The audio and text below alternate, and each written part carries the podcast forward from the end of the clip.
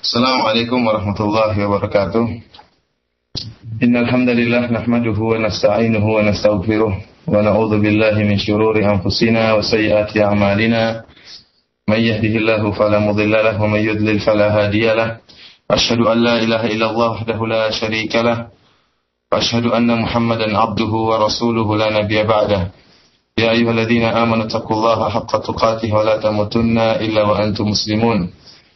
يا أيها الناس اتقوا ربكم الذي خلقكم من نفس واحدة وخلق منها زوجها فبث منهما رجالا كثيرا ونساء واتقوا الله الذي تساءلون به والأرحام إن الله كان عليكم رقيبا يا أيها الذين آمنوا اتقوا الله وقولوا قولا سديدا يصلح لكم أعمالكم ويغفر لكم ذنوبكم ومن يطع الله ورسوله فقد فاز فوزا عظيما أما بعد فإن أحسن الكلام كلام الله وخير الهدي هدي محمد صلى الله عليه وسلم وشر الأمور محدثاتها فإن كل محدثة بدعة وكل بدعة ضلالة وكل ضلالة في النار Ikhwani, azani Allah wa iyyakum para pendengar Radio Roja yang dimuliakan oleh Allah Subhanahu wa taala. Alhamdulillah pada pertemuan yang lalu kita telah menjelaskan tentang bagaimana kondisi uh, kondisi keagamaan di Jaziratul Arab. Bagaimana orang-orang Arab di zaman di zaman jahiliyah mereka terjerumus dalam penyembahan berhala ya dan kita telah jelaskan pula uh, di mana Allah Subhanahu wa taala telah murka tatkala itu terhadap penduduk dunia seluruhnya. Sebagaimana disebutkan dalam hadis yang diriwayatkan oleh Imam Muslim dalam sahihnya, Rasulullah sallallahu alaihi wasallam bersabda, "Wa inna Allah nadhara ila ahli al-ard, famaqatahum arabahum wa ajamahum illa baqaya min ahli al-kitab." Bahwasanya Allah Subhanahu wa taala melihat penduduk bumi Kemudian Allah Subhanahu wa taala murka kepada mereka seluruhnya, baik yang Arab maupun yang Ajam, yang selain Arab, kecuali hanya sebagian orang-orang yang tersisa dari ahlul kitab. Selain orang-orang Arab yang tersesat dalam uh, kesyirikan, demikian juga di sana ada agama-agama lain yang juga merupakan uh, bentuk kesyirikan yang menyebabkan penduduk bumi dan itu dimurkai oleh Allah Subhanahu wa taala. Dan agama-agama tersebut juga masuk ke dalam Jaziratul Arab. Dan antaranya agama Majusi masuk juga ke dalam Jaziratul Arab. Demikian juga uh, agama Yahudi masuk juga dalam Jazirah Arab. Dan demikian juga agama Nasrani, agama Kristen masuk juga dalam Jazirah Arab. Sehingga sebagian dari kabilah yang ada di Jazirah Arab uh, akhirnya memeluk agama Majusi. Sebagaimana sebagian dari kabilah Arab juga memeluk agama Yahudi dan sebagian kabilah Arab memeluk agama Nasrani ya. Namun e, oleh karenanya pada saat ini kita akan menjelaskan tentang pengaruh Yahudi terhadap eh, kabilah-kabilah uh, kabilah-kabilah ada di Jazirah Arab ya. Adapun orang-orang Yahudi kalau mereka masuk di Jazirah Arab Nah, di antaranya mereka menunggu kedatangan seorang nabi yang mereka tahu benar bahwasanya Nabi Muhammad SAW akan ada seorang nabi yang diutus di Jazirah Arab sehingga mereka sengaja untuk datang ke Jazirah Arab. Ya'rifunahu kama ya'rifuna abna'ahum. Yang Allah Subhanahu wa taala sifatkan tentang orang-orang Yahudi bahwasanya mereka mengetahui Muhammad sebagaimana mereka mengetahui anak-anak mereka. Kita kalau melihat anak-anak kita, Tentunya kita tahu benar bagaimana sifat anak-anak kita, bagaimana uh, model anak-anak kita, bagaimana ciri-ciri anak-anak kita. Demikian Allah menggambarkan saking tahunya ya benar-benar orang-orang Yahudi itu ngerti tentang siapa Muhammad sampai-sampai Allah menggambarkan pengetahuan mereka tentang Muhammad sebagaimana pengetahuan mereka terhadap anak-anak mereka sehingga mereka pun datang ke Jazirah Arab ke Jazirah Arab untuk menantikan kedatangan seorang nabi yang mereka menyangka bahwa nabi tersebut adalah dari Bani Israel, dari suku mereka. Namun kenyataannya lain, kata Allah Subhanahu wa taala memutus Nabi Muhammad dari e, bangsa Arabnya. Orang-orang Yahudi ya, melakukan kerusakan ya, melakukan kerusakan. Setelah ditinggal oleh Nabi Musa alaihissalam mereka terus melakukan kerusakan sampai mereka melakukan perubahan-perubahan dalam uh, mereka Taurat Bahkan tidak ada kerusakan yang dilakukan oleh orang-orang Yahudi yang sangat luar biasa tidak seperti dilakukan orang Nasrani.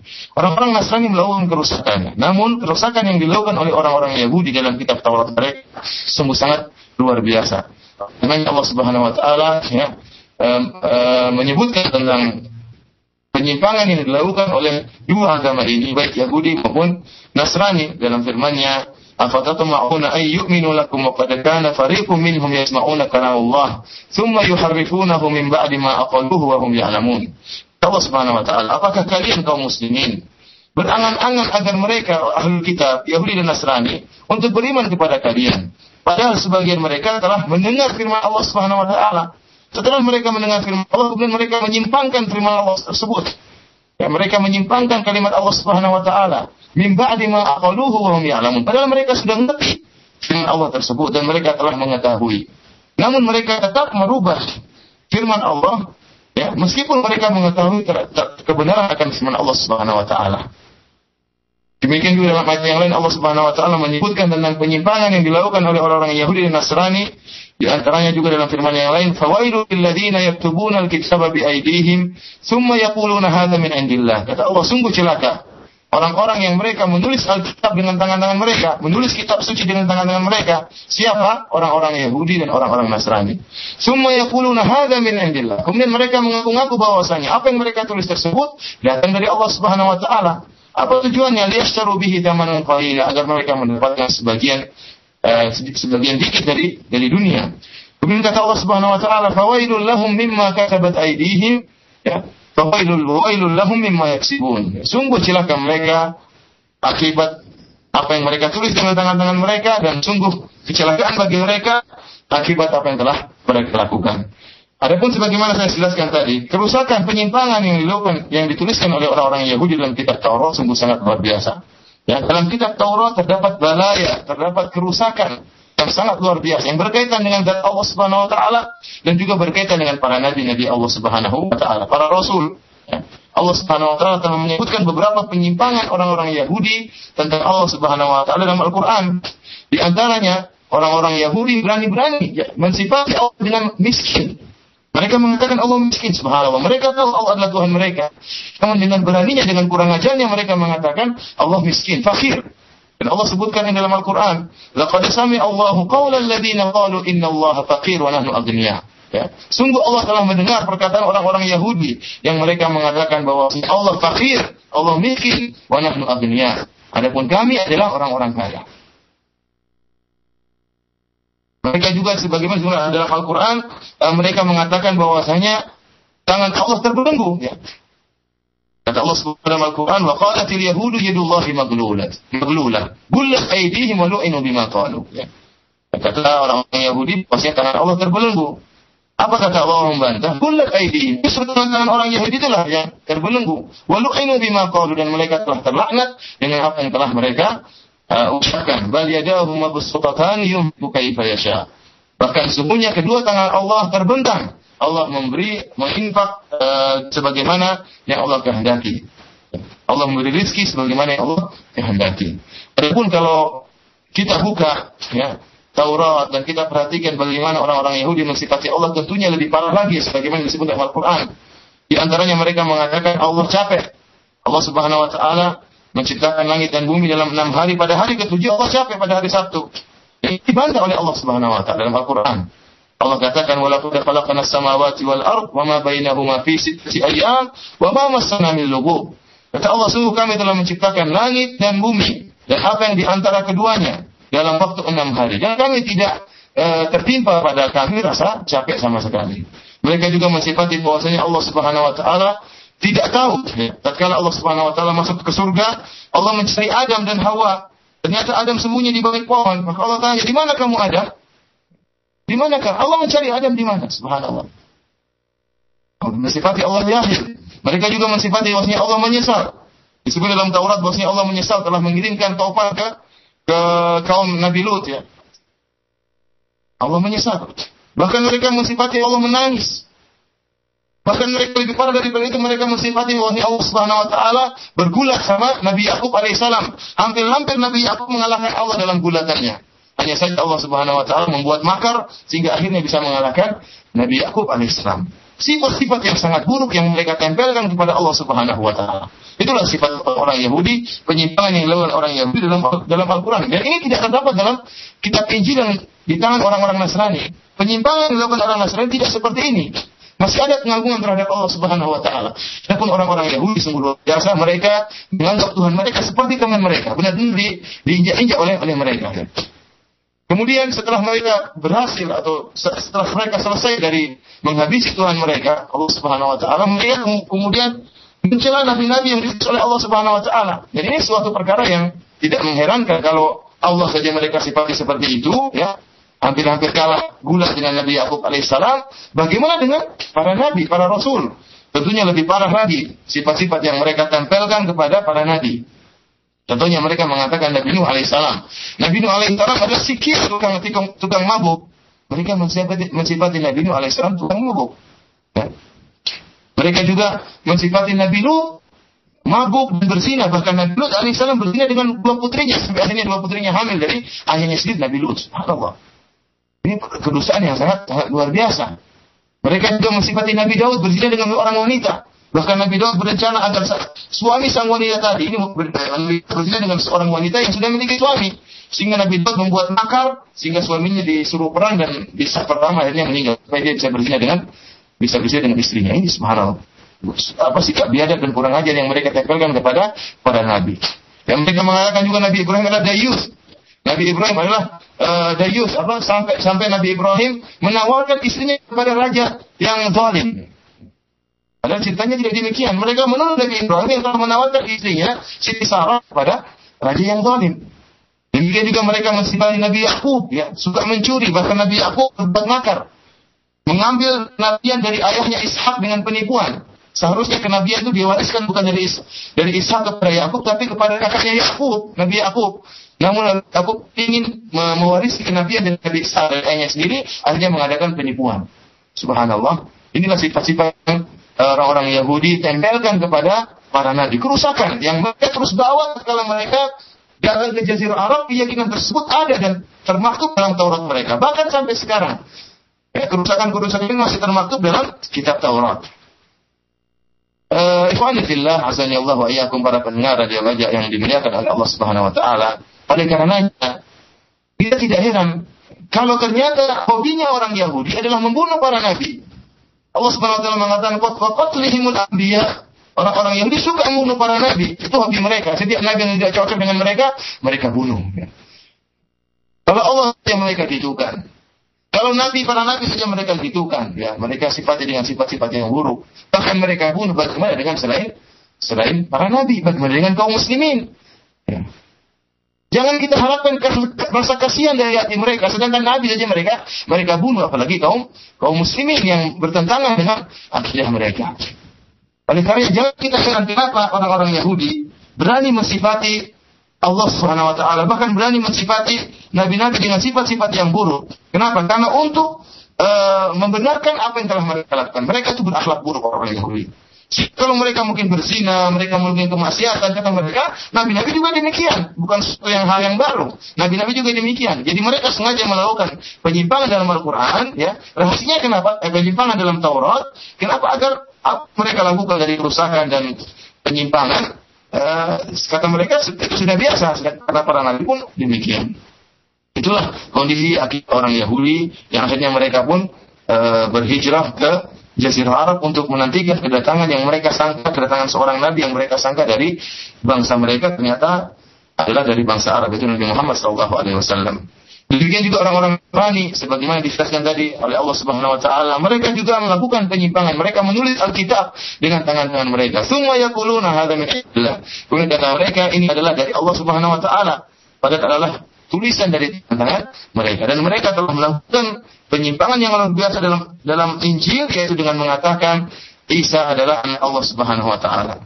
Itu mereka mengatakan Allah telah bersatu dengan dengan Nabi Isa alaihi salam dan ini merupakan uh, kekufuran yang sangat luar biasa. Oleh karena Allah Subhanahu wa taala mengatakan dalam Al-Qur'an kekafir tentang kekafiran mereka. Kata Allah Subhanahu wa taala, "Laqad kafara alladziina qalu inna Allaha thalithu tsalatsa." Sungguh telah kafir orang-orang yang mengatakan Allah itu satu dari yang tiga. Ya, akidah Trinitas itu merupakan akidah kekufuran. Allah mengatakan sungguh-sungguh benar-benar telah kafir orang-orang yang mengatakan Allah satu dari yang tiga. Dalam ayat yang lain Allah mengatakan, "Laqad kafara alladziina qalu inna Allaha huwal Masih ibnu Maryam." Sungguh telah kafir ya. Orang-orang yang mengatakan ya Allah itulah Isa bin Maryam. Kenapa? Kenapa Allah menyebutkan dua model kekafiran dalam Al-Quran ini? Karena memang orang-orang Nasrani terpisah di dua. Ada yang mengatakan bahwasanya uh, Allah bersatu dengan Nabi Isa alaihissalam sebagaimana uh, bersatunya air dengan susu ya. Kalau kita aduk jadilah suatu yang baru, campuran antara air dengan susu jadilah susu. Ya, jadilah air susu yang siap untuk diminum. Demikianlah kata mereka. Allah bersatu dengan Nabi Nabi Isa. Jadinya tadinya dua zat yang berbeda, kemudian bersatu menjadi satu padu dan tidak bisa dipisah-pisahkan. Adapun yang kedua mengatakan bahwasanya Allah Subhanahu wa taala menampati Nabi Isa. Menampati Nabi Isa sebagaimana air yang dituangkan di sebuah gelas. Ya ini lebih lebih lebih yang yang pertama lebih buruk daripada yang kedua. Yang kedua yang dua-duanya merupakan kekufuran. Dua-duanya merupakan kekufuran. Dan Allah jelas dalam Al-Qur'an bahwa sini akidah akidah yang kafir dan kita harus mengkafirkan orang-orang yang berakidah seperti ini. Allah Subhanahu wa taala jelaskan bagaimana busuknya perkataan mereka ini. Dalam surat Maryam, "Wa qalu ittakhadallahu walada." Laqad ji'tum syai'an idda. تكاد السماوات يتفطرن منه وتنشق الأرض وتخر الجبال هدا أن دعوا للرحمن ولدا وما ينبغي للرحمن أن يتخذ ولدا In kullu man fis samawati wal ardi illa atir rahmani abda. Allah Subhanahu wa taala mereka mengatakan bahwasanya Allah memiliki anak. Ini sebuah perkataan yang sangat luar biasa. Hampir-hampir langit-langit, hampir hampir-hampir langit terbelah dan hampir-hampir bumi pecah dan hampir-hampir gunung-gunung uh, runtuh. Kenapa? Tatkala mereka mengatakan bahwasanya Allah telah mengambil anak. Padahal tidak tidak pantas dan tidak layak bagi Allah Subhanahu wa taala pencipta alam semesta ini untuk memiliki anak. Sungguhnya seluruh yang ada di langit dan bumi datang kepada Allah sebagai hamba. Isa alaihissalam adalah seorang hamba manusia biasa, tidak pantas untuk bersatu dengan Allah Subhanahu wa taala. Bagaimana Allah zat yang maha kuasa, zat yang maha sempurna bersatu dengan seorang makhluk seperti Nabi Isa yang penuh kekurangan. Ya yang penuh kekurangan, yang mungkin sakit, yang mungkin lapar, yang mungkin lemah, yang mungkin buang air, yang mungkin menikah. Bagaimana zat yang maha kuasa bersatu dengan makhluk yang penuh kelemahan. Oleh karenanya perkataan bahwasanya Allah bersatu dengan makhluk, bersatu dengan Nabi Isa merupakan penghinaan terhadap Allah Subhanahu wa taala. Para pendengar radio Raja yang dimuliakan oleh Allah Subhanahu wa taala, karenanya ingatlah jangan sampai kita terpedaya dengan propaganda ya orang-orang yang mengatakan bahwa tiga agama itu sama agama Yahudi, agama Nasrani, agama Islam adalah agama yang sama, tidak benar. Bagaimana agama tauhid yang dibangun atas penyembahan Allah saja disamakan dengan agama kesyirikan? Bagaimana disamakan antara ketauhid dengan kesyirikan? Yang sungguh bodohnya yang kita ya, yang terpengaruh dengan propaganda ini ya, yang mengatakan Islam, Yahudi dan Nasrani sama saja ya, Ketahuilah bahwasanya orang-orang Yahudi, orang-orang Nasrani tidak mau disamakan dengan kita. Tidak mau disamakan dengan kita. Kenapa kita berburu-burunya mau menyamakan diri kita dengan mereka? Mereka tidak mau menyamakan diri mereka dengan kita. Walan tarba angkal Yahudu walan Nasara hatta tattabi amilatahum. Tidak akan ridho orang Yahudi dan orang Nasrani sampai kalian ikuti agama agama mereka. Allah jelaskan tidak akan ridho. Bagaimana sama antara Yahudi dengan Islam? ternyata kaum muslimin dibantai. Bagaimana sama? Karena itu orang yang mengucapkan kalimat ini sama menyamakan antara kesyirikan dengan dengan tauhid itu orang yang tidak tahu akalnya ke mana. Ke mana akalnya saya tidak tahu. Allah Subhanahu wa taala mengkafirkan jelas-jelas laqad kafara alladziina qalu inna huwal masihul maryam. Sungguh benar-benar telah kafir orang yang mengatakan bahwasanya Allah adalah Isa bin Maryam. Lantas dia mengatakan sama saya jadi masalah. Semua bisa masuk surga. Ini adalah pemikiran yang sesat yang harus kita peringatkan kepada saudara-saudara kita dan kepada anak-anak kita akan akan bahayanya pemikiran seperti ini. Kalau memang semua agama sama, sudah buat apa kita beragama Islam? Kita masuk agama yang lain saja. Bukankah agama yang lain itu lebih mudah? Boleh minum bir, boleh macam-macam. Ya mungkin zina juga boleh tidak jadi masalah. Ngapain kita memeluk agama Islam? Peluk saja agama yang lain kalau memang sama. Ikhwani, sani Allah wa iyyakum para pendengar yang dimuliakan oleh Allah Subhanahu wa taala. Ya. Itulah ya beberapa agama yang terdapat di Jazirah Arab seperti diutusnya Rasulullah SAW. Agama Yahudi, agama Nasrani, demikian juga agama Majusi. Yang sebagian kabilah Arab kemudian memeluk agama-agama tersebut karena terpengaruh dengan dakwah dakwah mereka. Sebagaimana hadis yang tadi kita sebutkan di awal pengajian bahwasanya Allah Subhanahu wa taala murka terhadap penduduk bumi. Seluruhnya baik orang Arab maupun selain Arab illa baqaya min ahli kitab kecuali sebagian dari orang-orang yang tersisa dari ahli kitab. Ya, yang demikian juga disebut disebut oleh para ulama yaitu orang-orang yang uh, disebut dengan hunafa, ya. Yang mereka uh, masih lurus, masih mengikuti sebagian ajaran Nabi Ibrahim alaihissalam. Tak karena tak kala terjadi masa fatrah antara Nabi Isa dan Nabi Muhammad SAW itu fatrah yang sangat panjang, 500-600 tahun. Setelah Nabi Isa tidak diutus lagi kecuali Nabi Muhammad SAW. Dan antara Nabi Isa dengan Nabi Muhammad SAW jarak yang sangat jauh, sekitar 500-600 tahun. Sehingga dikenal oleh dengan masa fatrah yang Allah Subhanahu wa taala sebutkan dalam Al-Qur'an, "Ya ahlal kitab, qad ja'akum rasuluna yubayyinu lakum ala fatratin minar rusuli ya an taqulu ma ja'ana min basyirin wala nadhir." Wahai ahlul datang kepada kalian rasul kami yang telah menjelaskan kepada kalian ala fatratin minar rusul ya. Datang pada saat Uh, di masa fatrah ya. Jadi antara fatrah antara Nabi Isa dan Nabi Muhammad fatrah yang sangat panjang, masa jeda yang sangat panjang sampai 500 atau 600 600 tahun. Diutuslah Nabi Muhammad SAW untuk menegakkan hukum bagi orang-orang ahlul kitab. Dan ini pertanyaan ikhwan fillah asani Allah wa. Apakah orang-orang yang hidup di masa fatrah ya kalau meninggal dunia mereka masuk surga apakah mereka yang diadab di api neraka? Sebelum kita bahas ini, saya ingin jelaskan bahwasanya di masa fatrah ya, sebelum diutusnya Muhammad SAW sebagai seorang rasul, ada orang-orang yang uh, berjalan di atas agama yang lurus. Ada yang mengikuti agama Nasrani dengan agama yang lurus dan ada yang mengikuti uh, apa yang tersisa dari ajaran Nabi Ibrahim alaihissalam. Di antara orang-orang yang disebut dengan Hunafa, mereka dikenal dengan hunafa, yaitu orang-orang yang hidup di masa fatrah akan tapi masih berjalan di atas rel yang benar. Tidak melakukan kesyirikan, tidak beribadah kepada patung-patung, ya. Tidak berada kepada tidak beribadah terhadap berhala. Di antara mereka tentunya uh, Nabi Muhammad SAW. Muhammad SAW sebagai Nabi juga berada di atas di atas uh, sebagai orang hunafa, ya, termasuk orang-orang hunafa. Karena Nabi SAW tidak pernah eh, menyembah menyembah berhala. Demikian juga di antara orang-orang yang termasuk hunafa adalah Zaid bin Amr bin Nufail. Zaid bin Amr bin Nufail. Sebagaimana diriwayatkan oleh Ibnu Ishaq dengan sanad yang hasan kata Asma binti Abi Bakar radhiyallahu taala anhuma laqad ra'aytu Zaid bin Amr bin Nufail musnidan dhahrahu ila Ka'bah yaqulu ya ma'syara Quraisy Walladhi nafsi Zaid biyadihi ma asbaha ahadun minkum ala dini Ibrahim.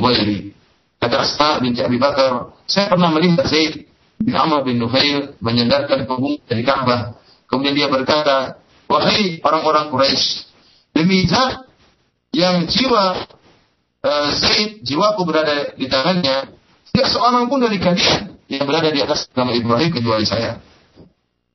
Tidak ada seorang pun yang berada di atas Ibrahim kecuali saya. Artinya dia mengetahui bahwasanya masih ada sisa dari ajaran Nabi Ibrahim. Maka dia mengatakan kalian seluruhnya orang Quraisy ada yang seperti saya yang berada di atas ajaran uh, Nabi Ibrahim. Bahkan dia, dia berkata dalam doanya Allahumma inni law a'lamu ahabbal wujuhi ilaik abadtuka bihi walakinni la a'lam. Kata dia Allah, kalau saya saya tahu cara yang paling sukai untuk menyembah engkau, ya, saya akan kerjakan cara tersebut ya Allah. Hanya saja saya saya tidak tahu. Summa yasjudu ala rahilatihi.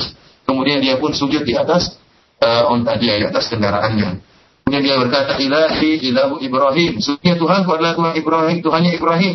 Wa dini dini Ibrahim. Dan agamaku adalah agamanya Nabi Ibrahim alaihissalam. Jadi di antara orang-orang munafik yang masih di atas rel yang lurus sebelum diangkatnya Rasulullah SAW sebagai seorang nabi di antaranya Said bin Amr bin Nuhail ya. Disebutkan oleh Imam Al Bukhari rahimahullah dalam sahihnya bahwasanya si Amr ini, si uh, Zaid bin Amr ini, dia pergi ke Syam untuk mencari agama yang benar. Akhirnya dia bertemu dengan salah seorang alim dari kalangan orang-orang Yahudi. Dia ingin mengenal agama Yahudi untuk masuk dalam agama Yahudi. Namun apa kata orang Yahudi tersebut?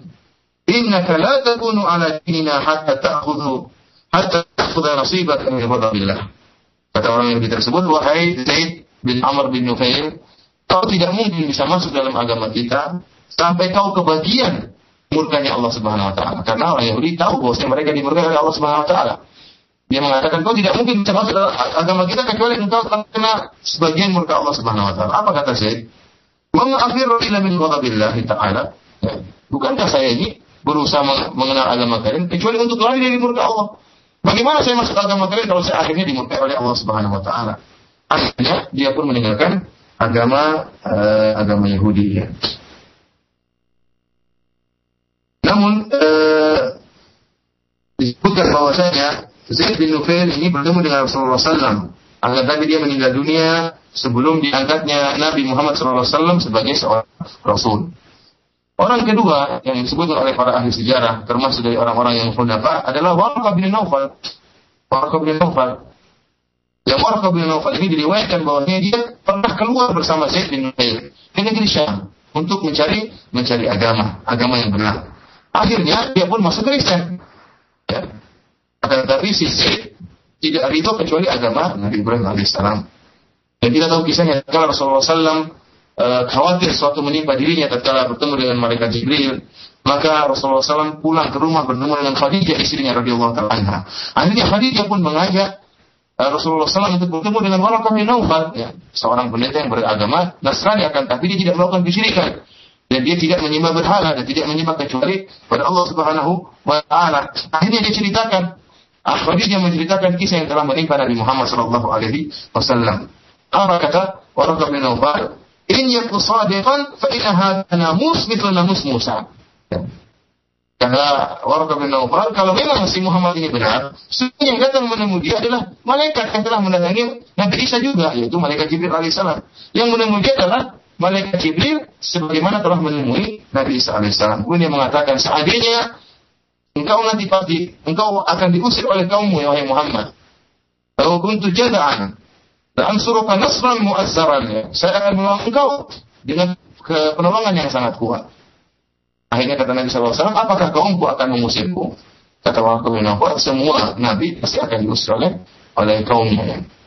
Ikhwani, ini menunjukkan bahwasanya Waraqah bin Nawfal uh, juga termasuk orang-orang yang berjalan di atas rel yang lurus dikenal dengan Hunafa. Orang yang berikutnya di masa fatrah yang terakhir orang-orang Hunafa seperti Qus bin Sa'idah al-Iyadi. Orang yang bernama Qusu bin Sa'idah al-Iyadi. Ya. Dan disebutkan oleh ahli sejarah masih banyak orang-orang yang seperti itu ya. Seperti Arbab bin Ri'ab, kemudian Suwaid bin Amir al-Mustalaqi, kemudian juga Asad Abu Kar, Abu Kar bin Al-Himyari, dan banyak orang-orang yang disebutkan oleh ahli sejarah termasuk orang-orang yang e, di masa patroh akan tetapi mereka berjalan di atas rel yang lurus yang dikenal dengan hunafa. Sekarang ikhwani menjadi permasalahan antara kita bagaimana nasib orang-orang tersebut ya. Orang-orang yang di masa patroh namun melakukan kesyirikan. Orang-orang di masa patroh yang e, termasuk hunafa yang tidak melakukan kesyirikan maka insya Allah mereka akan masuk surga kalau mereka mati dalam keadaan bertauhid kepada Allah Subhanahu wa taala. Karena mereka, sebagian mereka ada yang menganut agama Nasrani yang masih lurus, sebagian mereka ada yang menganut agama Nabi Ibrahim yang masih lurus, yang belum tercampur dengan kesyirikan. Dan jadi pertanyaan kita bagaimana dengan orang-orang di masa fatrah yang terjerumus dalam kesyirikan, kemudian meninggal dunia. Bagaimana nasib mereka? Apakah mereka dihadap di api neraka? Ataukah mereka diberi uzur oleh Allah Subhanahu Wa Taala kemudian dimasukkan dalam surga Allah Subhanahu Wa Taala? Ya. E, di antara yang bahas panjang lebar tentang hal ini adalah Syekh uh, Muhammad Al-Amin Asy-Syanqiti. Ya. Syekh Muhammad Al-Amin Asy-Syanqiti menjelaskan tentang permasalahan ini. Kita akan berusaha memaparkan masa permasalahan ini dengan uh, dengan secara ringkas ya. Ketahui ikhwani fillah wa akhwati fiddin azani Allah wa para pendengar radio yang dimuliakan oleh Allah Subhanahu wa taala. Allah berfirman dalam Al-Qur'an dalam surat Al-Isra, "Wa ma kunna mu'adzibina hatta nab'atha rasula." Sungguhnya kami tidak akan mengadab sampai kami mengutus seorang rasul. Kami tidak akan menghadap sampai kami mengutus seorang rasul. Dalam ayat yang lain Allah Subhanahu wa taala berfirman, "Rusulan mubasysyirin wa mundzirin li'alla yakuna lin-nasi 'ala Allahi hujjatun ba'da rusul." Demikianlah rasul-rasul yang kami utus untuk memberi kabar gembira dan untuk memberi peringatan. Li'alla yakuna lin-nasi 'ala Allahi hujjah, agar orang-orang tidak memiliki hujjah untuk menentang Allah Subhanahu wa taala setelah diutusnya para rasul. Jadi Allah mengutus para rasul untuk menegakkan hujah. Sehingga Allah tidak akan mengadab sampai Allah mengutus para rasul. Kalau Allah sudah mengutus para rasul dan kemudian mereka tetap kafir kepada Allah, baru akan ditegakkan hujah. Demikian juga baru akan eh, setelah ditegakkan hujah baru akan ditegakkan azab kepada mereka.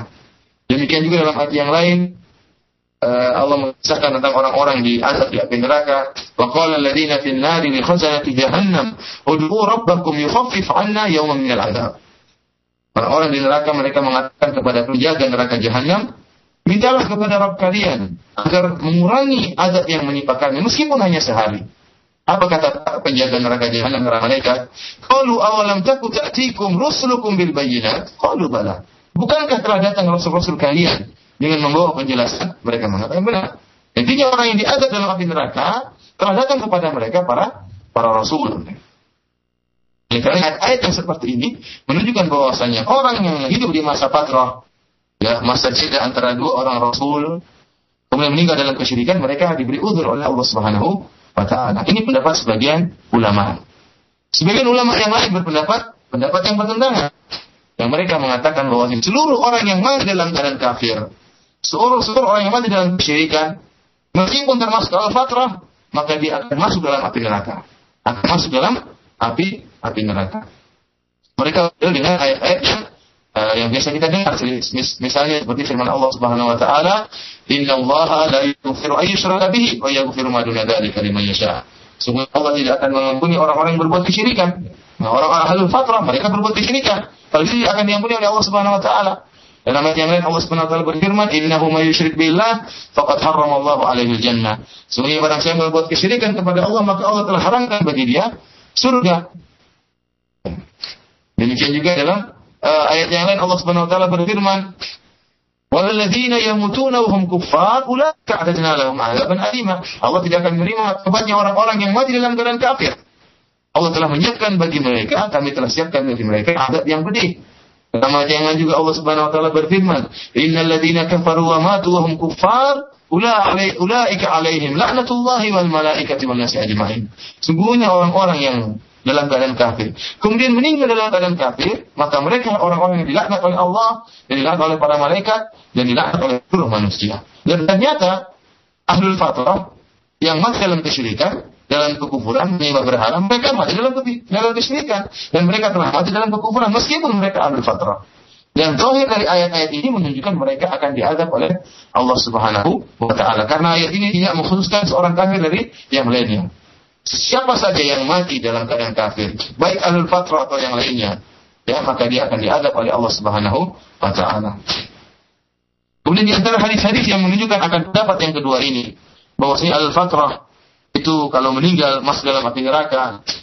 Hadis yang diriwayatkan oleh Al-Imam Muslim dalam sahihnya.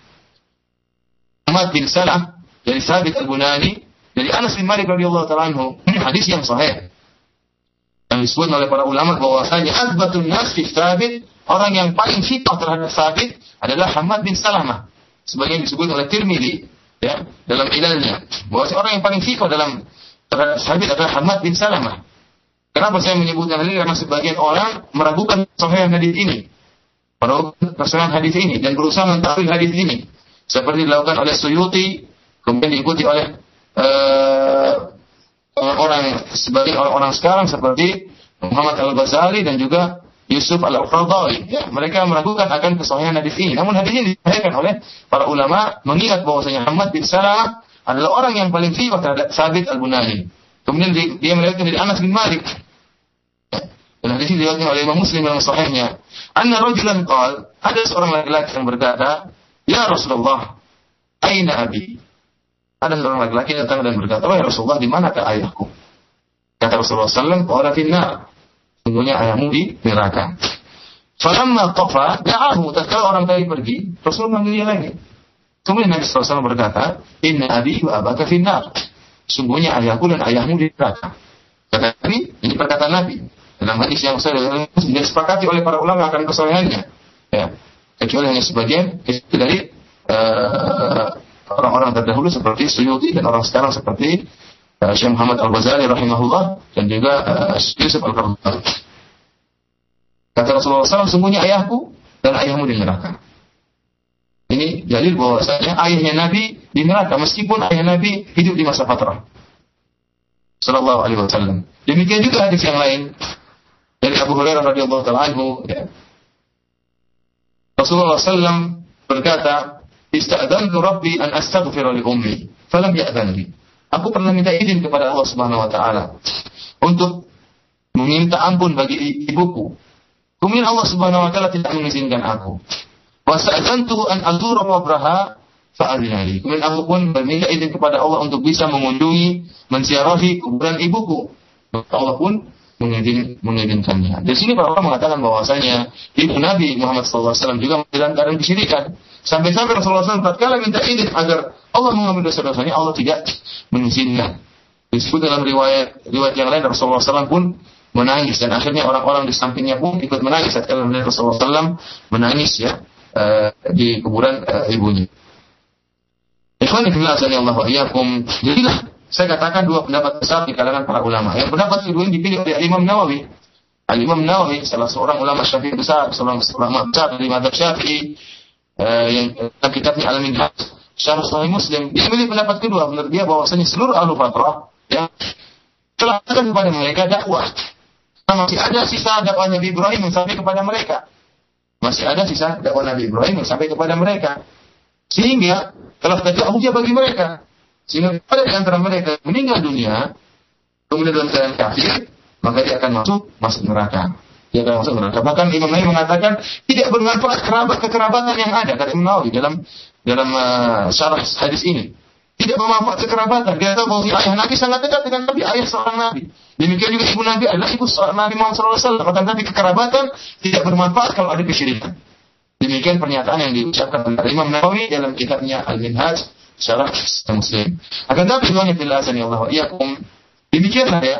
Ada dua pendapat pendapat dalam masalah. Satunya mengatakan ahlul fatrah pasti diberi udur oleh Allah Subhanahu wa taala. Saya mengatakan ahli fatrah tidak diberi udur karena hujah telah telah sampai barang siapa mati dalam keadaan kafiran maka akan masuk dalam api neraka. Termasuk di dalamnya adalah ayah Nabi dan ibu Nabi Shallallahu alaihi wasallam. Dan ini telah di, disinggung oleh sebagian ulama bahwa ini adalah masalah khilaf di antara para ulama. Bahkan khilaf di antara ahli usul fiqh tentang uh, masalah ini. Apakah ahli fatrah diberi udur atau atau tidak? atau uh, atau tidak. Uh, di antara dalil-dalil yang di yang mendukung pendapat Imam Nawawi, pendapat yang kedua, selain ayah dan ibu Nabi yang masuk dalam api neraka, ada hadis-hadis lain yang menunjukkan Abdul Fatrah yang masuk api neraka.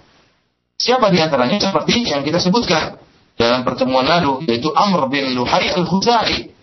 Nabi Wasallam mengatakan, Doa itu Amr bin Amir Al-Khuzai yajurru fil nar. Saya melihat Amr bin Amir Al-Khuzai dia uh, apa namanya apa namanya uh, menggeret khususnya di api neraka. Kita tahu bahwasanya Amr bin Luhai Al-Khuzai termasuk orang-orang yang ada di ahli fatrah.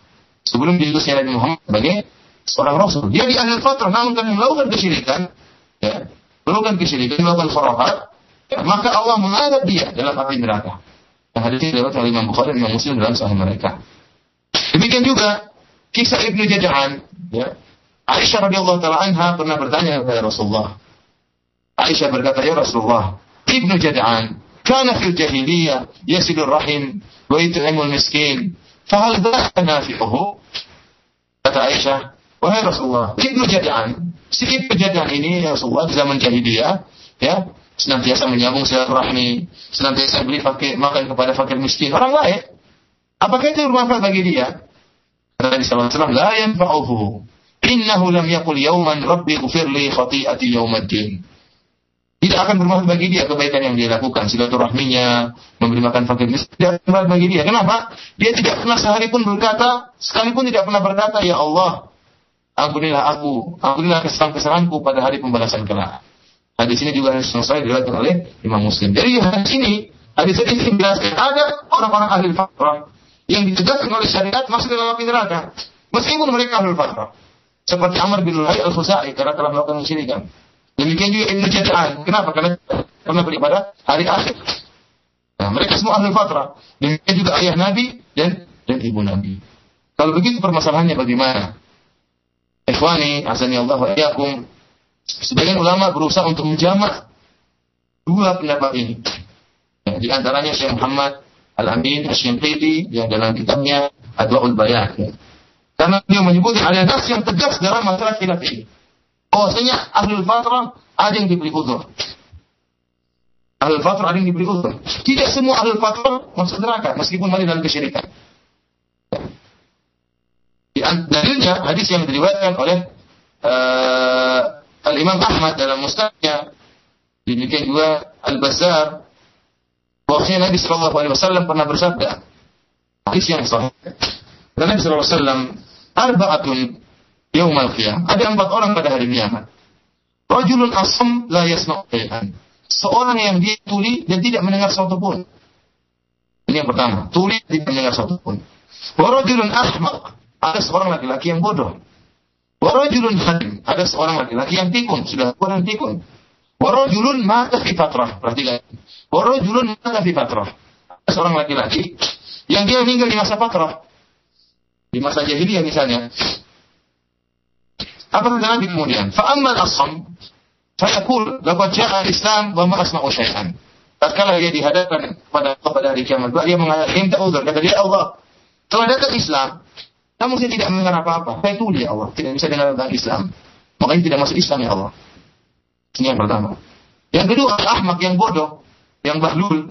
Dia mengatakan, Ya Allah. Ya al-Islam. dia yahdifun ini bil ba'ab. Ya Allah, bagaimana saya masuk Islam ya Allah? Datang Islam. Karena saya ini orang bodoh. Anak-anak melemparin saya dengan kayak onta. Anak-anak melemparin saya. Bagaimana saya bisa masuk? Saya bodoh, tidak paham. Bagaimana bisa masuk Islam? Maka saya tidak masuk Islam. Yang ketiga adalah orang yang pikun. Dia juga tidak masuk. Kemudian dia minta uzur kepada Allah kata dia, "Fayaqul, ya Rabb, laqad ja'a Islam wa syai'an." Ya Allah, Islam sudah datang, namun saya tidak kenal Islam. Bagaimana saya bisa masuk Islam sedangkan saya tidak bisa mengerti apa-apa? Saya sudah pikun, tidak mengerti. Wa ma aqilu syai'an, tidak bisa mengerti apa-apa. Adapun yang keempat, yang mati dalam keadaan fatrah kata Nabi, "Wa amma alladhi mata fi fatrah فيقول ما آت ما أتاني لك رسول يأخذ مواثقهم يطيعنه ya yang keempat mengatakan Allah bagaimana saya masuk Islam tidak seorang pun seorang rasul pun yang kau utus kepadaku tidak seorang rasul pun yang kau utus kepadaku maka Allah pun mengambil perjanjian mereka agar mereka taat kepada Allah Subhanahu wa taala maka Allah pun mengutus kepada mereka memerintahkan mereka untuk masuk dalam api kalau Allah perintahkan mereka, kata Allah kalian harus taat kepadaku. Mereka mengatakan, iya kami akan taat. Empat mengatakan, kami akan taat. Kemudian Allah mengirim api dan memerintahkan mereka untuk masuk ke dalam api tersebut. Apa kata Nabi Sallallahu Alaihi Wasallam? Fawaladi nafsi biyadihi lau dakhaluha kanat alaihim badan wa salaman. Kalau mereka masuk dalam api tadi, taat kepada perintah Allah, maka api tadi akan menjadi dingin dan selamat bagi bagi mereka. Hadis ini hadis yang tegas, yang dia adalah fasil di mahallin niza, yaitu hadis yang uh, uh, menjelaskan per, per, pendapat yang benar dan terkhilaf di antara para ulama dalam masalah ini. Hadis ini menunjukkan bahwasanya orang yang memiliki uzur seperti orang bodoh, orang pikun, orang tuli, orang di akhir fatrah, mereka akan diuji oleh Allah Subhanahu wa taala pada hari kiamat kelak, ya. Diuji oleh Allah Subhanahu wa taala. Barang siapa yang memang benar-benar yang tahu mereka berhak masuk surga, maka mereka akan taat kepada Allah Subhanahu wa taala. Dari sini kita jika tidak bisa kita mutlakan bahwa orang yang mati dalam kesyirikan pasti masuk. Tidak bisa kita mutlakan. Tidak kita bisa tidak bisa kita katakan setiap orang yang mati dalam kesyirikan, setiap orang yang mati dalam uh, kekufuran pasti masuk neraka. Karena di sini jelas ada orang tuli, ada orang pikun, ada orang uh, apa namanya uh, bodoh dan orang yang mati dalam keadaan di masa patrah semuanya akan diuji oleh Allah Subhanahu Wa Taala. Ya. Yang mengetahui tentang nasib mereka adalah Allah Subhanahu wa taala. Oleh karenanya kita katakan kalau kita perhatikan dari dalil yang tadi telah disebutkan, syariat menjelaskan ada sebagian al-fatrah yang pasti masuk neraka. Ya, yang pasti masuk neraka. Seperti tadi disebutkan seperti Amr bin Luhai, Al-Khuzai, kemudian Ibnu Jada'an, dan ayah Nabi dan ibu Nabi. Dan ada sebagian al-fatrah yang akan diberi uzur oleh Subhanahu wa taala sebagaimana hadis dari riwayat Imam Ahmad yang tadi telah uh, kita sebutkan. Inilah jam'un bainal qaulain. Inilah adalah pendapat yang benar yang uh, menjamakkan atau mengkompromikan yang ada dan mengkompromikan dua pendapat yang yang ada. Karenanya kita mengatakan setiap ahli fatrah pasti masuk surga dan kita tidak juga mengatakan bahwa setiap ahli fatrah pasti masuk neraka. Dan kita mengatakan sebagian mereka masuk neraka sebagaimana dalil-dalil yang sahih dan sebagian mereka masuk eh, surga karena mereka diberi uzur oleh Allah Subhanahu wa taala. Oleh karenanya uh, masalah ini uh, kita cukupkan sampai di sini ya. Meskipun telah jelas bahwasanya ayah dan ibu Nabi sallallahu alaihi wasallam berada di di neraka Uh, kenyataan yang demikian Nabi SAW yang telah mengungkapkan perkara tersebut, pernyataan tersebut. Nabi mengatakan, Inna abi wa abaka finnar. Sungguh ayahku, sungguh ayahku dan ayahmu di, di neraka. Jangan sampai kita kemudian mengikuti perasaan kita. Akhirnya kita pun uh, mengatakan ayah Nabi pasti di surga, ibu Nabi pasti di surga. Apalagi kita berdalil dengan hadis yang batil. Seperti sebagian orang yang berdalil dengan hadis bahwasanya Nabi SAW menghidupkan ayah dan ibunya. Kemudian masuk Islam keduanya, kemudian mati lagi. Ya, ayah ibunya dihidupkan Nabi Wasallam atau oleh Allah atau, atau oleh, oleh Allah dihidupkan mereka berdua dengan dengan uh, di hadapan Nabi Wasallam. Kemudian keduanya masuk uh, masuk Islam kemudian meninggal dan akhirnya masuk surga. Hadis ini ada hadis yang maudhu ya. Hadis asal yang oleh Ibnu Jauzi rahimahullah dan juga Dahabi dan ulama yang lainnya. Hadis tentang hidup hidupnya kembali dua orang tua Nabi adalah hadis yang maudhu hadis palsu. Kalau seandainya itu benar maka akan terkenal tersohor kisah ini. Karena itu mujizat yang luar biasa. Nabi SAW menghidupkan kembali kedua orang tuanya. Namun ternyata hadis ini adalah hadis yang yang batil ya. Dan demikian hikmah Allah Subhanahu Wa Taala. Terkadang Allah Subhanahu Wa Taala mengeluarkan seorang nabi dari seorang yang kafir seperti Nabi Ibrahim alaihissalam ya, ayahnya kafir. Ayahnya kafir. Demikian juga anaknya juga kafir ya, sebagian nabi kerabat-kerabatnya kafir seperti Nabi Lut alaihissalam Nabi Nuh alaihissalam istri-istri mereka dalam keadaan mati dalam keadaan kafir. Itu hikmah yang Allah lebih mengetahui apa hikmahnya. Kita hanya pasrah dan tunduk kepada dalil-dalil yang yang ada. Kemudian saya ingatkan pembahasan terakhir tentang fatwa Syekh Ibn Utsaimin rahimahullah bahwasanya bagaimana kita menghukumi orang-orang yang nasibnya seperti ahli fatrah. Tentunya di dunia ini masih ada sebagian orang, meskipun mungkin kecil kita katakan, setelah tersebarnya sarana komunikasi, ada HP di mana-mana, ada internet di mana-mana, tapi masih memungkinkan ya. Kalau 50 tahun yang lalu, 100 tahun yang lalu jelas ada ahli fatrah, yaitu orang-orang yang tidak sampai kepada mereka dakwah. Jadi sebelumnya kita jelaskan apa sih maksud ahli fatrah? Para ulama jelaskan ahli fatrah ada dua model. Pertama orang yang hidup di zaman jeda antara dua rasul.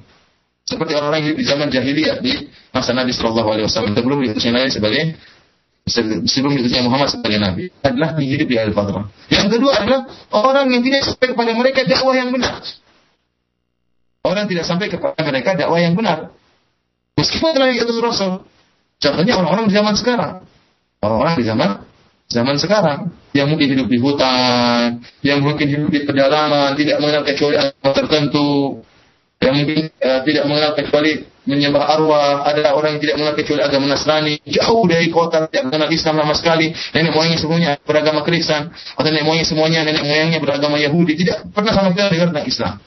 Jadi ini kalau sekarang kemungkinan sangat kecil akan tapi 100 tahun lalu, 200 tahun lalu, kemungkinan sangat besar karena sama sarana komunikasi ada. Bisa jadi seorang hidup sejak kecil sampai meninggal dunia tidak mendengar kecuali Kristen. Bisa jadi seorang sejak kecil sampai meninggal dunia tidak mendengar kecuali penyembahan arwah. Bisa jadi seorang sejak kecil sampai meninggal dunia tidak mendengar kecuali agama Yahudi. Bagaimana nasib orang-orang seperti ini? Ya. Yang jelas mereka termasuk al-fatrah. Nasib mereka di akhirat kita tidak tahu. Yang tahu hanya Allah. Allah akan mereka.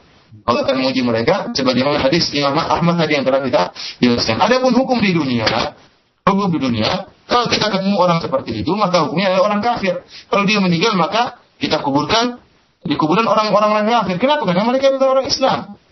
Mereka animisme atau atau apa namanya Kristen atau Nasrani atau Yahudi, hukum mereka adalah hukum orang kafir. Ya. Namun apakah mereka di akhirat pasti masuk neraka? Itu hanya Allah Subhanahu wa taala. Kenapa? Karena belum tegak hujah kepada mereka, belum sampai dakwah kepada kepada uh, mereka. Yang lebih tahu apakah mereka sudah sampai dakwah kepada mereka atau tidak, hanyalah Allah Subhanahu wa taala ya. Demikian saja ikhwani uh, azanillahu ilakum pendengar Radio Raja yang dimuliakan oleh Allah apa yang bisa kita sampaikan pada uh, pertemuan kita kali ini yang kesimpulannya bahwasanya Sebelum diutusnya Nabi telah terjadi kerusakan yang sangat luar biasa di Jazirah Arab. Terdapat banyak aliran agama di Jazirah Arab sebelum diutusnya Nabi. Ada agama Yahudi, ada agama Nasrani, ya, ada uh, agama Majusi, ya, ya, ada musyrikin yang menyembah berhala. Namun di antara mereka ada orang-orang khunafa yang masih terus berpegang di atas agama yang lurus tauhid. Seperti tadi kita mengatakan Zaid bin Amr yang masih berjalan di atas agama Nabi Ibrahim, Warq bin Naufal yang masih berjalan di atas uh, agama Nasrani yang lurus. Dan demikian sebagian orang-orang yang mereka disebut dengan hunafa yang masih berjalan di atas agama yang yang lurus ya. Ini semua menjelaskan kepada kita kerusakan yang sangat terjadi saat itu sebelum Allah mengutus Nabi Muhammad SAW.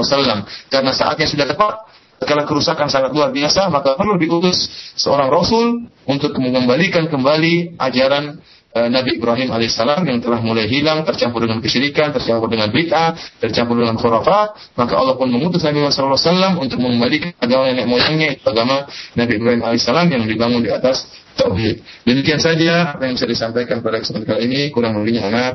Mohon maaf. Nah, kami ucapkan terima kasih jazakumullahu khairan pada Ustadz yang telah menyampaikan materi kita dari Sirah Nabawiyah untuk kesempatan siang hari ini. Dan ikhwatal Islam azani Allah iyakum tiba saatnya bagi kita untuk berinteraksi dengan beliau. Dan kita akan terima untuk yang pertama dari penelpon di 0218236543 untuk siang hari ini. Kami angkat untuk yang pertama dari penelpon terlebih dahulu. Halo assalamualaikum. Halo Ustaz. Uh, ini Silakan. dari uh, Umu Khairiyah di Jakarta Ustaz ya. Uh, uh, saya mau tanya nih Mohon maaf Ibu dikecilkan radionya Ibu ada feedback Bu ya. Silakan. Halo. Halo. Iya, silakan Ibu. Uh, ini Ustaz uh, apa namanya? Saya mau tanya nih. Uh, kelak apa orang-orang uh, sebagian orang Nasrani dan Yahudi itu akan dimasukkan ke dalam surga ketika di masa hidupnya mereka mengikuti agamanya nabi-nabi mereka dengan ajaran yang lurus ya Ustadz ya.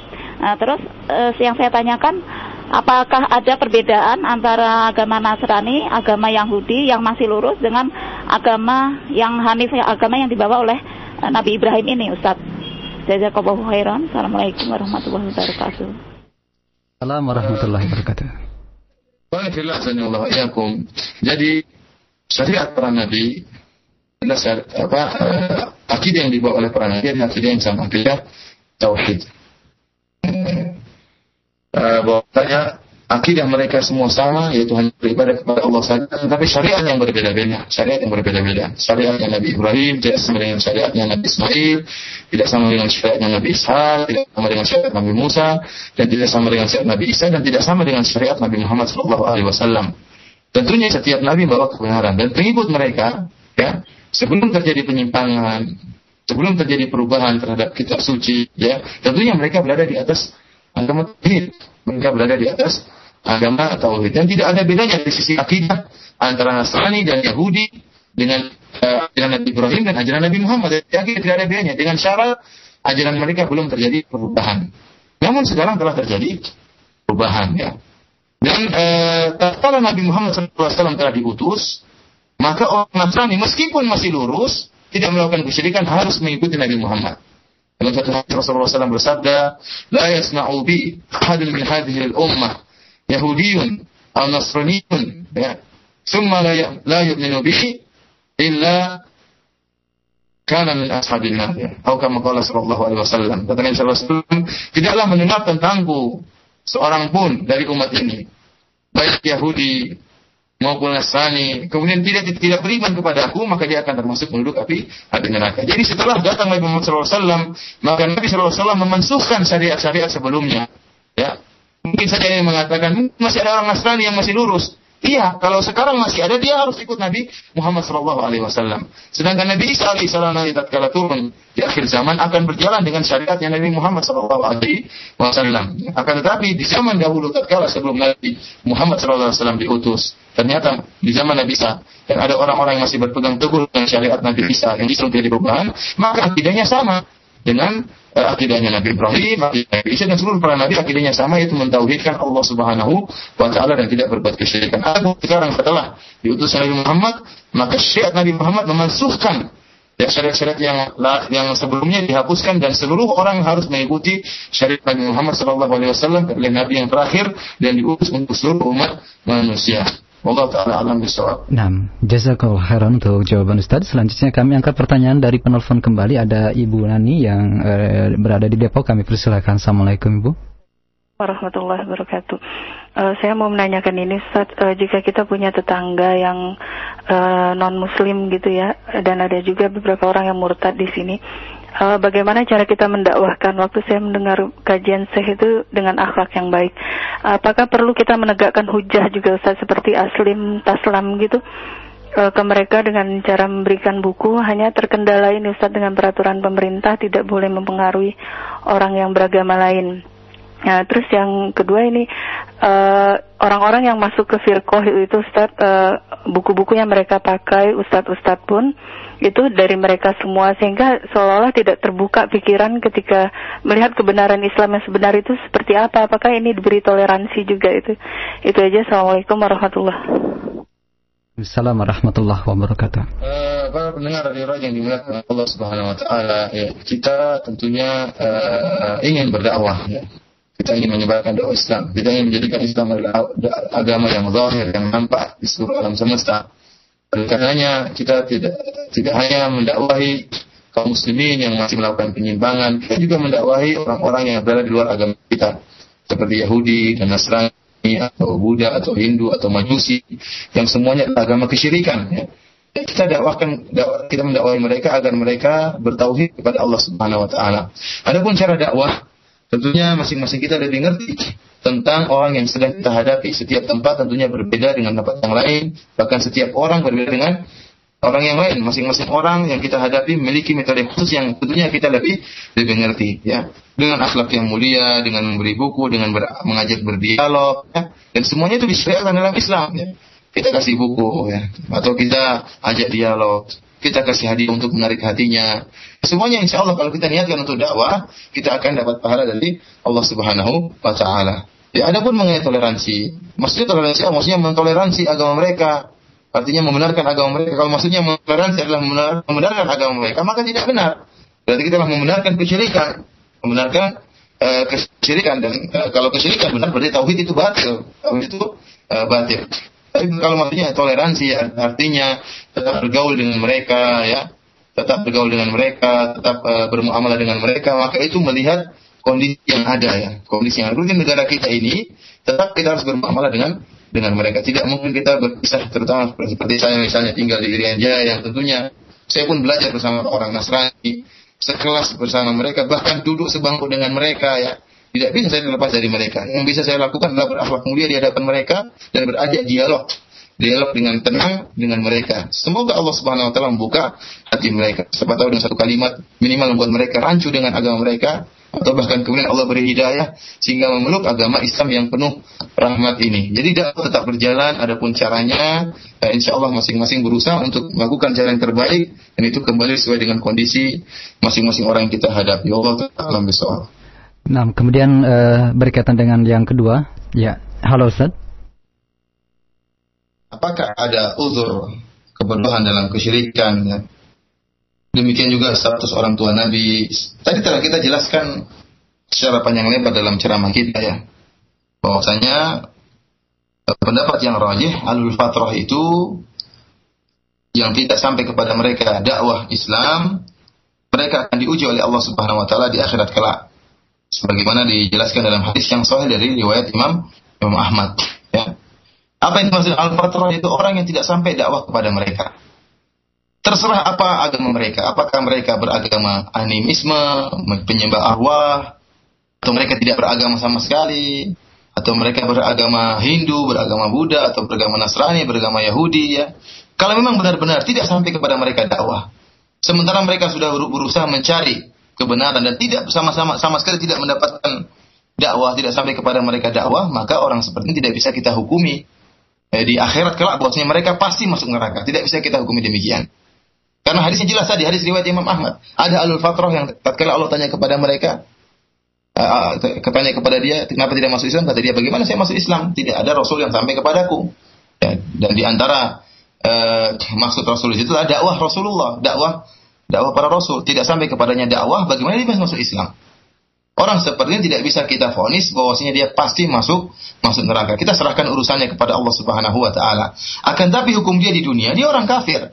Karena tidak memeluk agama Islam, dia orang kafir. Kalau dia meninggal, tidak boleh dikuburkan di pekuburan orang muslim. Kalau dia menikah, tidak boleh kita nikahkan dengan uh, wanita muslimah. Kalau dia memotong sembelihan, tidak boleh kita uh, makan sembelihannya kalau dia bukan dari ahlul kitab ya. Akan tapi ya apakah dia diadab di akhirat atau tidak itu urusan Allah Subhanahu wa taala. Meskipun hukum dunia dia adalah orang orang kafir. Allah taala alam bisawab. Baik, Ustaz. Selanjutnya kami angkat pertanyaan dari pesan singkat kembali dan eh, ini merupakan eh, pertanyaan yang dijama dari pertanyaan Ibu Nani tadi mengenai eh, bagaimanakah hukum dari eh, anggota eh, firqah-firqah sesat yang uh, dalam kondisi uh, terkungkung oleh bacaan-bacaan yang mereka baca dari ustadz-ustadznya atau dari kalangan mereka sendiri sehingga uh, tidak uh, tidak mampu untuk melihat kebenaran yang sebenarnya dari Islam ini. Apakah ada uzur dalam hal ini bagi mereka? Jazakumullahu khairan. Para pendengar dari roh yang dimuliakan oleh Allah Subhanahu wa taala, masalah uzur adalah masalah yang gaib. Yang tahu hanyalah Allah Subhanahu wa taala. Cuma kita kasih kaidah ya. Kita kasih kaidah. Kalau seorang sudah berusaha mencari kebenaran, namun ternyata pintu-pintu kebenaran tertutup, tidak berkesempatan untuk mengenal kebenaran, ya, atau sampai kepada dia tentang Islam, tentang ahlu sunnah misalnya dalam keadaan yang buruk dengan pemberitaan yang sangat buruk, sehingga akhirnya memalingkan dia dari uh, untuk mempelajari ahlu sunnah karena dia dengar ahlu sunnah misalnya teroris ternyata tidak benar ahlu sunnah adalah demikian demikian maka bisa jadi, saya katakan bisa jadi dia beri udur oleh Allah Subhanahu wa taala. Setelah dia berusaha mengenal kebenaran, berusaha mencari kebenaran. Dan bahkan tatkala sampai uh, ahlu sunnah, dakwah sunnah kepada dia sampai dalam keadaan musyawwahah, dalam keadaan apa tercemar. Sehingga dia menyangka ahlu sunnah seperti itu adalah teroris dan macam-macamnya, padahal tidak tidak benar. Orang seperti ini mudah-mudahan Allah kasih kasih udur. Ya. Tapi kalau ternyata sudah ada pintu kebenaran celah untuk mengenal kebenaran, ya namun dia tetap i'rad, tetap berpaling, ya. Sudah dikasih buku tidak mau dibaca, ya. Sudah ada radio misalnya tidak mau dia dengarkan, tidak mau sekali-sekali ngecek benar atau tidak, ya. Sekali-sekali dia memalingkan dirinya atau mengikut hawa nafsunya, ya. Ah, kalau saya ikut manhaj sunnah nanti saya akan terkekang misalnya. Maka orang sebenarnya tidak akan ada uzur dari Allah Subhanahu wa taala. Tidak akan ada uzur dari Allah Subhanahu wa taala. Kita hanya menghukum zahirnya di dunia ini. Seperti tadi kita katakan orang-orang kafir, hukum zahir di dunia mereka kafir. Tapi bagaimana di akhirat itu urusan Allah Subhanahu wa taala. Allah yang lebih tahu mana si fulan yang berhak dapat uzur, mana yang tidak berhak dapat uzur. Demikian juga firqah-firqah yang yang menyimpang ya. Kita kita hukumi di dunia ini bahwasanya mereka termasuk firqah-firqah tersebut. Adapun apakah mereka diberi uzur oleh Allah di akhirat kelak, itu adalah hal yang gaib yang mengetahui hanya Allah Subhanahu wa taala karena yang mengetahui tentang hakikat orang tersebut hanyalah Allah Subhanahu wa taala. Apakah dia berusaha atau tidak, Apakah memang dia sudah berusaha kemudian terhalangi atau tidak? Yang tahu hanya Allah Subhanahu wa taala. Nah, selanjutnya dari eh, pendengar pesan singkat kembali dari Pak Ahmad di uh, Jakarta, Ustadz uh, mengenai uh, kata Yahudi uh, yang ada di dalam Al-Quran ataupun hadis-hadis Nabi Sallallahu Alaihi Wasallam itu uh, berasal dari uh, sebuah sifat ataukah nama dari uh, dari seorang hamba Allah demikian jazakallah khairan.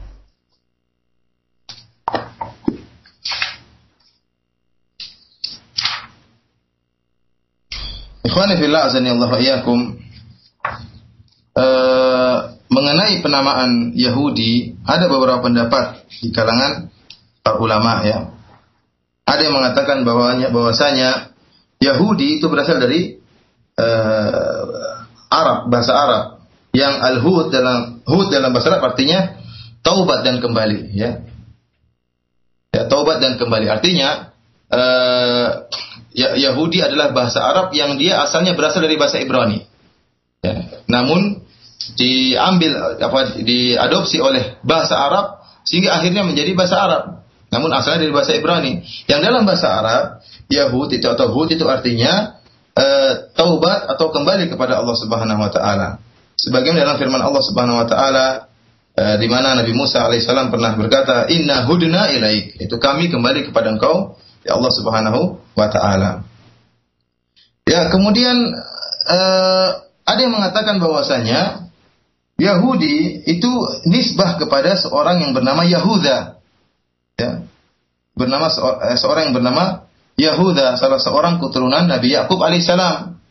Atau ada yang mengatakan nisbah kepada penyandaran kepada negara atau kerajaan Yahuda yang dulu berada di Palestina. Ya. Akan saja Allah taala Allah, Allah taala alam bisawab ya. Uh,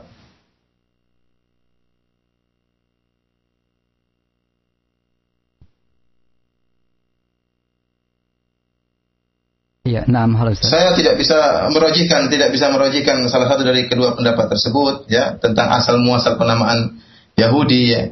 Akan tapi uh, yang eh, agama Yahudi adalah orang-orang yang menyangka mereka adalah pengikut Nabi Musa alaihissalam ya. Adapun Israel sebagaimana saya jelaskan Israel adalah Yakub alaihissalam.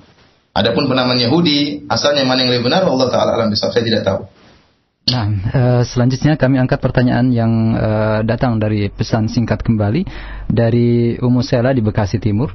Ustadz ada yang uh, menyatakan dari salah seorang tokoh agama bahwasannya uh, panggilan ya ahlal kitab di dalam uh, Al-Qur'anul Karim juga termasuk ke dalam umat Islam. Apakah hal ini benar dan apa konsekuensi dari hal ini? Jazakallah khairan. Uh, kita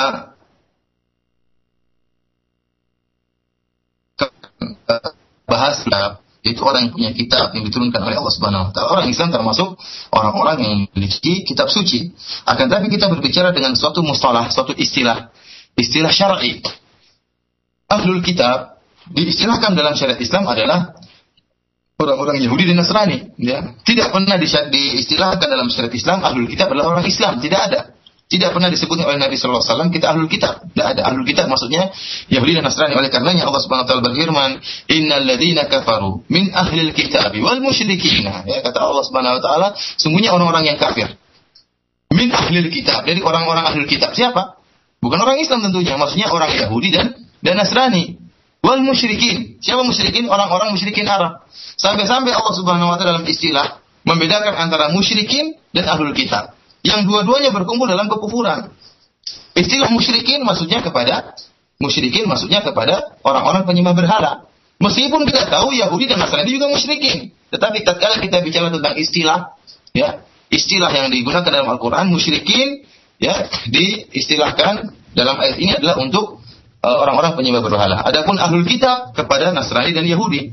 Makanya Allah berfirman, "Innal ladzina kafaru min ahlil kitabi wal musyrikina. Sungguhnya orang-orang yang kafir dari kalangan ahlul kitab dan orang-orang musyrik. Maksudnya apa ahlul kitab? Yahudi dan Nasrani, bukan orang Islam. Ya, jadi kita tatkala bicara dengan mustalah, istilah kita mengikuti istilah syar'i dan ahlul kitab tidaklah diistilahkan kecuali kepada uh, Yahudi dan dan Nasrani. Orang Islam tidak masuk dalam ahlul kitab. Kaum muslimin disebut dengan kaum muslimin. Allah taala bisawab. Nah, selanjutnya kami angkat pertanyaan dari penelpon. Kami persilakan untuk Anda yang akan bertanya kepada Ustadz secara langsung. Di kesempatan siang hari ini Anda bisa hubungi kami di 0218236543 dan uh, juga uh, masih tersisa waktu bagi kita untuk ke depan 5 menit terakhir. Kami persilakan di 0218236543. Kami angkat untuk yang berikut. Halo, Assalamualaikum. Waalaikumsalam. Dengan siapa, Pak? Sam Cinere. Nah, silakan Bapak. Itu ada kisah pezina yang menolong anjing yang kelaparan masuk mau, mau masuk surga itu bagaimana itu kisahnya itu? Apa betul itu atau Israeliat bagaimana itu? Terima kasih Bapak Syam. Kami persilakan Ustaz. Para pendengar radio yang dimuliakan Allah Subhanahu wa taala, hadisnya hadis yang sahih, hadis dari Abu Hurairah riwayat oleh Imam Bukhari dan Imam Muslim ya kata Rasulullah sallam bainama kalbun yutifu bi ruqiyatin kada yaqtulu al-atash isra'athu baghiyun baghaya bani Israil fanazat muqaha ya fasaqathu faghfara Allah lahu faghfara Allah laha bihi. Kata Nabi sallallahu wasallam tatkala ada seekor anjing yang berputar-putar di sebuah sumur ya hampir-hampir dia mati kehausan ya hampir-hampir mati kehausan. Dia sudah melihat sumur namun dia tidak bisa mengambil air tersebut karena dalam. Akhirnya seorang wanita pezina ya uh, dari kalangan ahli kitab dari Bani Israel, maka dia pun kasihan terhadap anjing tadi kemudian meminumkan memberi air minum kepada anjing ini. Akhirnya Allah Subhanahu wa taala mengampuni dosa-dosa wanita ini ya ya gara-gara uh, dosa-dosa wanita ini gara-gara apa yang telah dia lakukan terhadap anjing tadi ya. Tentunya ikhwani fil azanillahu ini adalah uh, wanita pezina di zaman Bani Israel yang masih di atas tauhid, tidak melakukan kesyirikan, akan tapi melakukan dosa besar yaitu perzinahan ya. Sudah kita katakan bahwasanya di antara Bani Israel ada yang masih e, beragama lurus dan ada yang telah menyimpang. Adapun wanita pezina ini ya, dia tidak melakukan kesyirikan, hanya saja dia terjerumus dalam kemaksiatan dosa besar yaitu e, yaitu dia telah melakukan perzinahan. Dan dengan amal yang telah dia lakukan, kebaikan yang dia lakukan dengan memberi makan minum kepada seekor anjing, Allah menjadikan itu sebab sebagai sebab terampunnya dosa dosa-dosanya. Hal ini telah dijelaskan panjang lebar oleh Syekhul Islam Ibnu Taimiyah dalam uh, Minhajus Sunnah ya, bahwasanya tidak semua orang yang melakukan amalan seperti dilakukan oleh wanita pezina ini, maka natijahnya sama, hasilnya sama. Artinya kalau ada orang berzina, saya berzina. Kalau gitu supaya dimaafkan, saya minumin anjing ya, kasih minum anjing. Ya. Tidak semua orang seperti itu. Karena hal ini kembali kepada keimanan dan keikhlasan yang terdapat pada hati wanita tersebut ya. Di antaranya disebutkan bagaimana keikhlasan wanita ini, yaitu tatkala dia menolong anjing tadi, dia uh, tidak ada yang melihat dia beramal. Tidak ada yang melihat dia, menunjukkan dia itu ikhlas. Yang kedua, dia tatkala menolong anjing tadi, dia harus turun ke dalam sumur sambil memegang menggigit uh, sepatunya kemudian turun ke dalam sumur kemudian mengambil air kemudian manjat lagi sumur dan itu pekerjaan yang berat bagi seorang wanita yang dia tidak lakukan kecuali dia ikhlas menunjukkan keikhlasannya yang ketiga dia sama sekali tidak berharap rasa terima kasih dari anjing tersebut ya. Dia benar-benar makhluk yang hina, kemudian dia beri minum semata-mata karena Allah Subhanahu wa taala. Karena keikhlasan dan keimanannya, maka Allah pun mengampuni uh, dosa-dosanya. Dan tidak semua orang yang minumkan anjing kemudian diampuni dosa-dosanya, tidak semua karena masalah hati adalah masalah yang gaib yang tahu hanya Allah Subhanahu wa taala. Karenanya kita tidak jangan kita heran tatkala Rasulullah SAW mengatakan bahwasanya para sahabat mereka amalan mereka kecil namun pahalanya luar biasa. Kata Rasulullah SAW, "Lau anfaqa uh, ahadukum mithla Uhudin dhahaban ma balagha mud ma balagha mudda ahadihim wala nasifahu." Kata Rasulullah SAW, kalau ada seorang salah seorang di antara kalian berinfak dengan uh, emas sebesar gunung Uhud ya, yang gunung Uhud itu panjangnya 8 kilo, kemudian lebarnya entah berapa kilo, intinya jutaan ton mungkin atau ribuan ton emas kita sumbangkan karena Allah Subhanahu wa taala. Kata Nabi tidak sama dengan infak seorang sahabat sahabat Nabi yang berinfak dengan segenggam gandum atau segenggam korma. Tidak juga setengah genggam setengah genggam e, korma ya atau setengah genggam gandum apa mau disamakan antara gandum dengan emas? Tidak ada bandingannya sama sekali. Namun amalan kecil yang dilakukan oleh sahabat, ya, emas, apa korma atau gandum yang hanya satu mut atau hanya satu genggam, itu nilainya sangat tinggi di sisi Allah Subhanahu Wa Taala.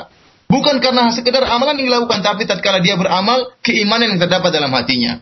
Karena keikhlasan yang terdapat dalam hatinya, ya. Sehingga mereka ditinggikan pahala mereka karena apa yang ada dalam hatinya, ya, apa yang dalam hatinya. Bagaimana mereka e, bisa bagaimana mereka bisa disamakan dengan kita para sahabat.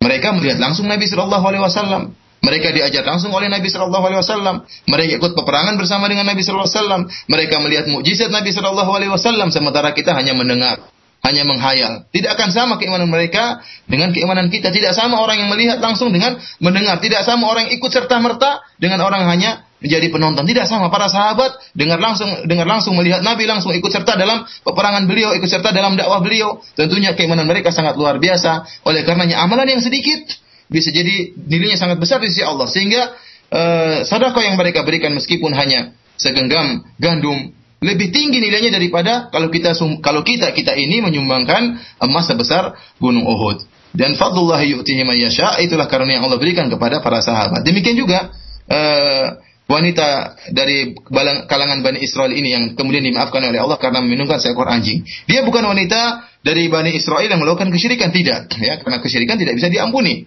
ya. Akan tetapi uh, dia itu uh, diampuni karena melakukan dosa besar yaitu berzina dan ternyata dia melakukan satu amalan yang kelihatannya sederhana akan tapi karena apa yang terdapat dalam hatinya berupa keikhlasan dan keimanan akhirnya Allah Subhanahu wa taala mengampuni dosa besarnya yaitu zina. Allah taala alam bisawab. Baik Ustaz, uh, tampaknya ini ada satu pertanyaan terakhir dari Pak Ismet di Narogong yang sudah masuk Ustaz ya. Kami angkat. Assalamualaikum. Ya, silakan. Assalamualaikum warahmatullahi wabarakatuh. Ya, silakan Pak Ismet. Uh, ini saya mau nanya mengenai uh, ayat 102 surat Al-Baqarah. Ya. Halo?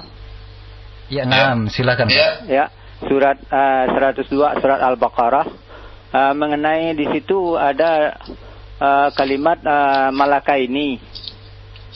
Malaka ini ini saya belum mengerti apakah itu raja, apakah itu dua orang malaikat. Soalnya begini kalau sekiranya Harut dan Marut itu dikatakan malaikat, sedangkan buat pemimpin kamu tidak ada harus dari bangsa kamu sendiri. Uh, yang saya tanyakan di sini uh, Harut dan Marut itu apakah malaikat, apakah jin, apa setan itu? Itu aja pertanyaannya. Terima kasih untuk Pak Ismet. Kami persilakan. Uh, para pendengar di yang dimuliakan oleh Allah Subhanahu Wa Taala, ya uh, terus terang saya sudah membaca tentang ayat ini. Uh, akan tapi saya belum apa tidak bisa menjawab untuk saat ini. Saya butuh murajaah lagi tentang tafsiran tentang al-malakain di sini ya. Apakah raja atau malaikat ya?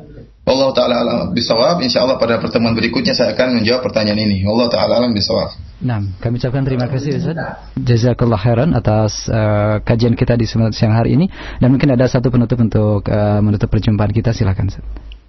Uh, demikian saja para pendengar radio Raja yang dimuliakan Allah Subhanahu wa taala apa yang kita uh, bisa sampaikan pada kesempatan kali ini ya sebagai kesimpulan sebagaimana tadi Ana telah sampaikan bahwasanya Nabi Nabi sallallahu alaihi wasallam diutus oleh Allah Subhanahu wa taala pada suatu masa di mana masa yang sangat buruk atau dikatakan super buruk di mana uh, Allah Subhanahu wa taala murka kepada penduduk bumi seluruhnya baik orang Arab maupun selain Arab uh, yang seluruhnya terjerumus dalam kesyirikan dengan berbagai macam model kesyirikan bahkan terutama di Jazirah Arab benar-benar terjadi uh, merupakan pusat ke, ke, kerusakan baik dari sisi akidah maupun sisi sisi moral sebagaimana telah kita jelaskan pada pertemuan lalu. Dari sisi akidah di situ ada agama Yahudi, ada agama Nasrani, ada agama Majusi, ada yang menyembah uh, matahari, ada yang menyembah patung ya. Dari sisi akhlak terjadi perzinahan dengan berbagai berbagai macam modelnya. Kemudian anak wanita dibunuh hidup-hidup kerusakan moral yang sangat luar biasa dan kerusakan akidah yang sangat luar biasa. Sehingga tepatlah uh, tepatlah saat di mana Allah Subhanahu wa taala mengutus Nabi Muhammad sallallahu alaihi wasallam untuk mengembalikan uh, apa uh, cahaya yang pernah dibawa oleh Nabi Ibrahim alaihissalam. Kalau kita melihat ini semua maka kita bersyukur kepada Allah Subhanahu wa taala telah mendapatkan cahaya yang dibawa oleh Nabi Muhammad SAW, telah merasakan nikmatnya tauhid dan telah merasakan moral yang diajarkan oleh Rasulullah SAW, adab yang diajarkan oleh Nabi SAW. Bagaimana kita kalau dulu hidup di zaman seperti itu ya? Apakah kita menjadi pengikut Rasulullah atau bahkan kita menjadi kafir kepada Rasulullah? Kita tidak tahu. Alhamdulillah Allah Subhanahu Wa Taala uh, apa namanya uh, menjadikan kita termasuk orang-orang yang mengikuti jalan Nabi Muhammad Sallallahu Alaihi Wasallam. Demikian saja kurang lebihnya saya mohon maaf. Wabillahi taufiq wal hidayah. Assalamualaikum warahmatullahi wabarakatuh.